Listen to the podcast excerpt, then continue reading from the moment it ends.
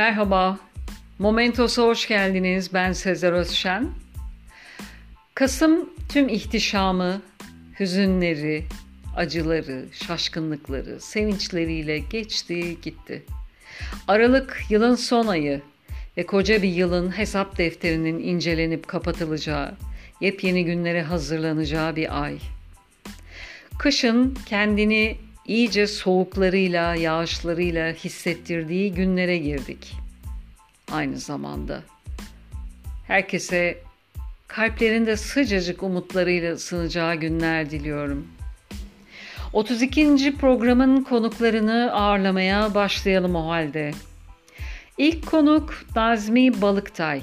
Blog adresi nazmibaliktay.com Blogunda hakkımda bölümüne yazdıklarından özet geçiyorum. 90'lı yılların sonuna doğru Alanya'da doğdum. Bilişim teknolojileri web programcılığı dalından mezun oldum. Sonrasında halkla ilişkileri bitirdim. Çok gezen biri değilim lakin gezmeyi de okumayı da severim. Genellikle yeraltı edebiyatı ve psikoloji ile ilgili kitapları seviyorum demiş. Ocak 2021'de nereden çıktı bu blog açma fikri başlıklı yazı ile bloğa adım atmış. Bu ilk yazısına yine göz atalım. Bazen canım o kadar sıkılıyor ki saatlerce yazmak istiyorum. Benim de yazıp karalayacağım bir blogum olsun istedim ve sonunda ortaya böyle bir şey çıkardım. Çok fazla blog var. Elbette insanların bloglarını nasıl kullanacaklarına karar veremem. Fakat bunu da söylemeden geçemeyeceğim. Kişisel blog mu yoksa teknoloji bloğu mu? Kişisel blog adı altında her sektör ve konu hakkında yazıyorlar. Açıkçası bu benim garibime gidiyor. İsteyen istediğini yazar ancak genel blog konseptine kişisel blog denmesine takılıyorum herhalde. Ben kendi sitemde duygularımı, düşüncelerimi, izlediklerimi, okuduklarımı ve birçok eleştirimi yazacağım. Yeri gelecek imla kurallarının canını okuyacağım. Yeri gelecek devrik cümlelerim olacak. Bunu benim üslubum olarak kabul edin Tek temennim ortak duygu ve düşüncelerde kesişebilmemizdir. Yazdıklarım kimine anlamlı, kimine ise boş gelebilir. Yazının başında da söylediğim gibi birileri için değil, kendim için yazıyorum. Genç, daha çok taze bir blogger. Blogunu incelemenizi öneriyorum. Sıradaki blogger toplumsal psikoloji.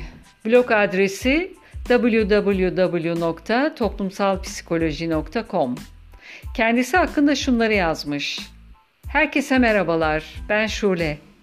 Eğitimini büyük bir zevkle aldığım sosyoloji, psikoloji bilgilerimden, yaptığım araştırmalardan ve okumalarımdan yola çıkarak derlediğim bilgileri, izlediklerimi, dinlediklerimi, deneyimlediklerimi, kısacası bana iyi gelen, hayata bakışımı etkileyen şeyleri bu platformda sizlerle paylaşmayı hedeflemekteyim.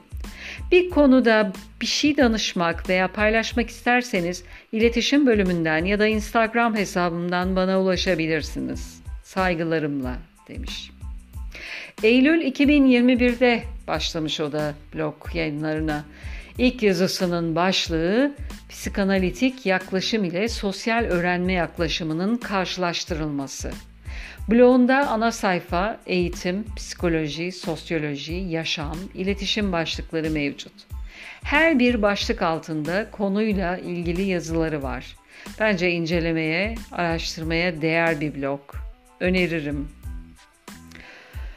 Bir diğer blogger satır arası.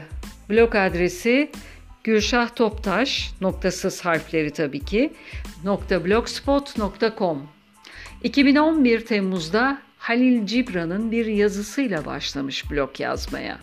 Blogunda kitap tanıtımları, kendi hayatından günlük olaylar, ülkede, dünyada yaşananlara bakış, film tanıtımları, bloklar arası challenge yazıları da var. 2022 Eylül'de İstanbul'da bulunan Müze Gazhane'deki bir gösteriye aktardığı yazısından birkaç paragraf seslendirmek istiyorum. Bread and Puppet Theater ekibi Bienal kapsamında gerçekleştirecekleri Toplumun Kötülükleri başlıklı ücretsiz gösteriyi İstanbul'da gönüllülerle birlikte tasarlıyor ve belirli mekanlarda da gösterilerini sunuyorlar.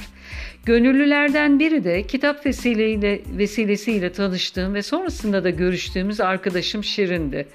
Geçen hafta müze gazhanedeydi protest gösteri. Önce yürüyüş ile başlayıp sonrası ufak ufak belli noktalara dikkat çekmek için tasarlanmış gösteri. Gösteride kullanılan tüm malzemeler atık ve geri dönüşüm malzemelerindendi. Biz de kızımızı alıp gittik. Sanatsal gösterilere çok önem veriyorum ve ne kadar küçük yaşta çocuklar sanatla tanışırlarsa bakış açıları, algıları iyi yönde gelişiyor diye de düşünüyorum. Tabii başta anlayamadı, sorular sordu ama hep ilgiyle seyretti, seyrettik.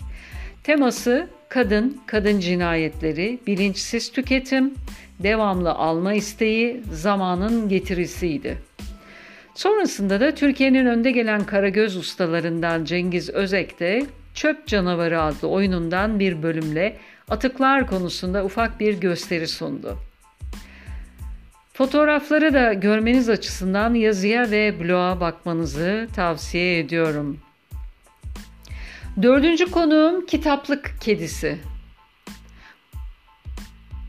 Bu bloğun sahibi Elif. Blog adresi kitaplıkkedisi.com Elif hakkında şunları yazmış. Ben Elif. Sevdiğim ve ilgilendiğim her şeyi kitaplık kedisine yazıyorum nasıl olsa. Hakkımda gelişi güzel birkaç bilgi edinmek isterseniz deyip 25 madde sıralamış. Ben kısaca Ankara'da doğduğunu, Londra'da yaşadığını, çevrim bilim okuduğunu buraya aktarıp gerisini blogundan okumanıza bırakıyorum. Blogunda güncel, kitaplar, sanat, güzel şeyler, filmler, Londra kedisi, projeler olmak üzere 7 başlık var.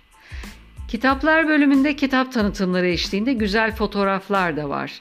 Sanat başlığı altında çeşitli ressamların eserleri yanında el sanatları ile ilgili de yayınlar mevcut. Güzel şeyler başlığı altında özellikle Murat Şen ve ev yapımı bilim başlığını okuyun. Çok ilginç bulacaksınız.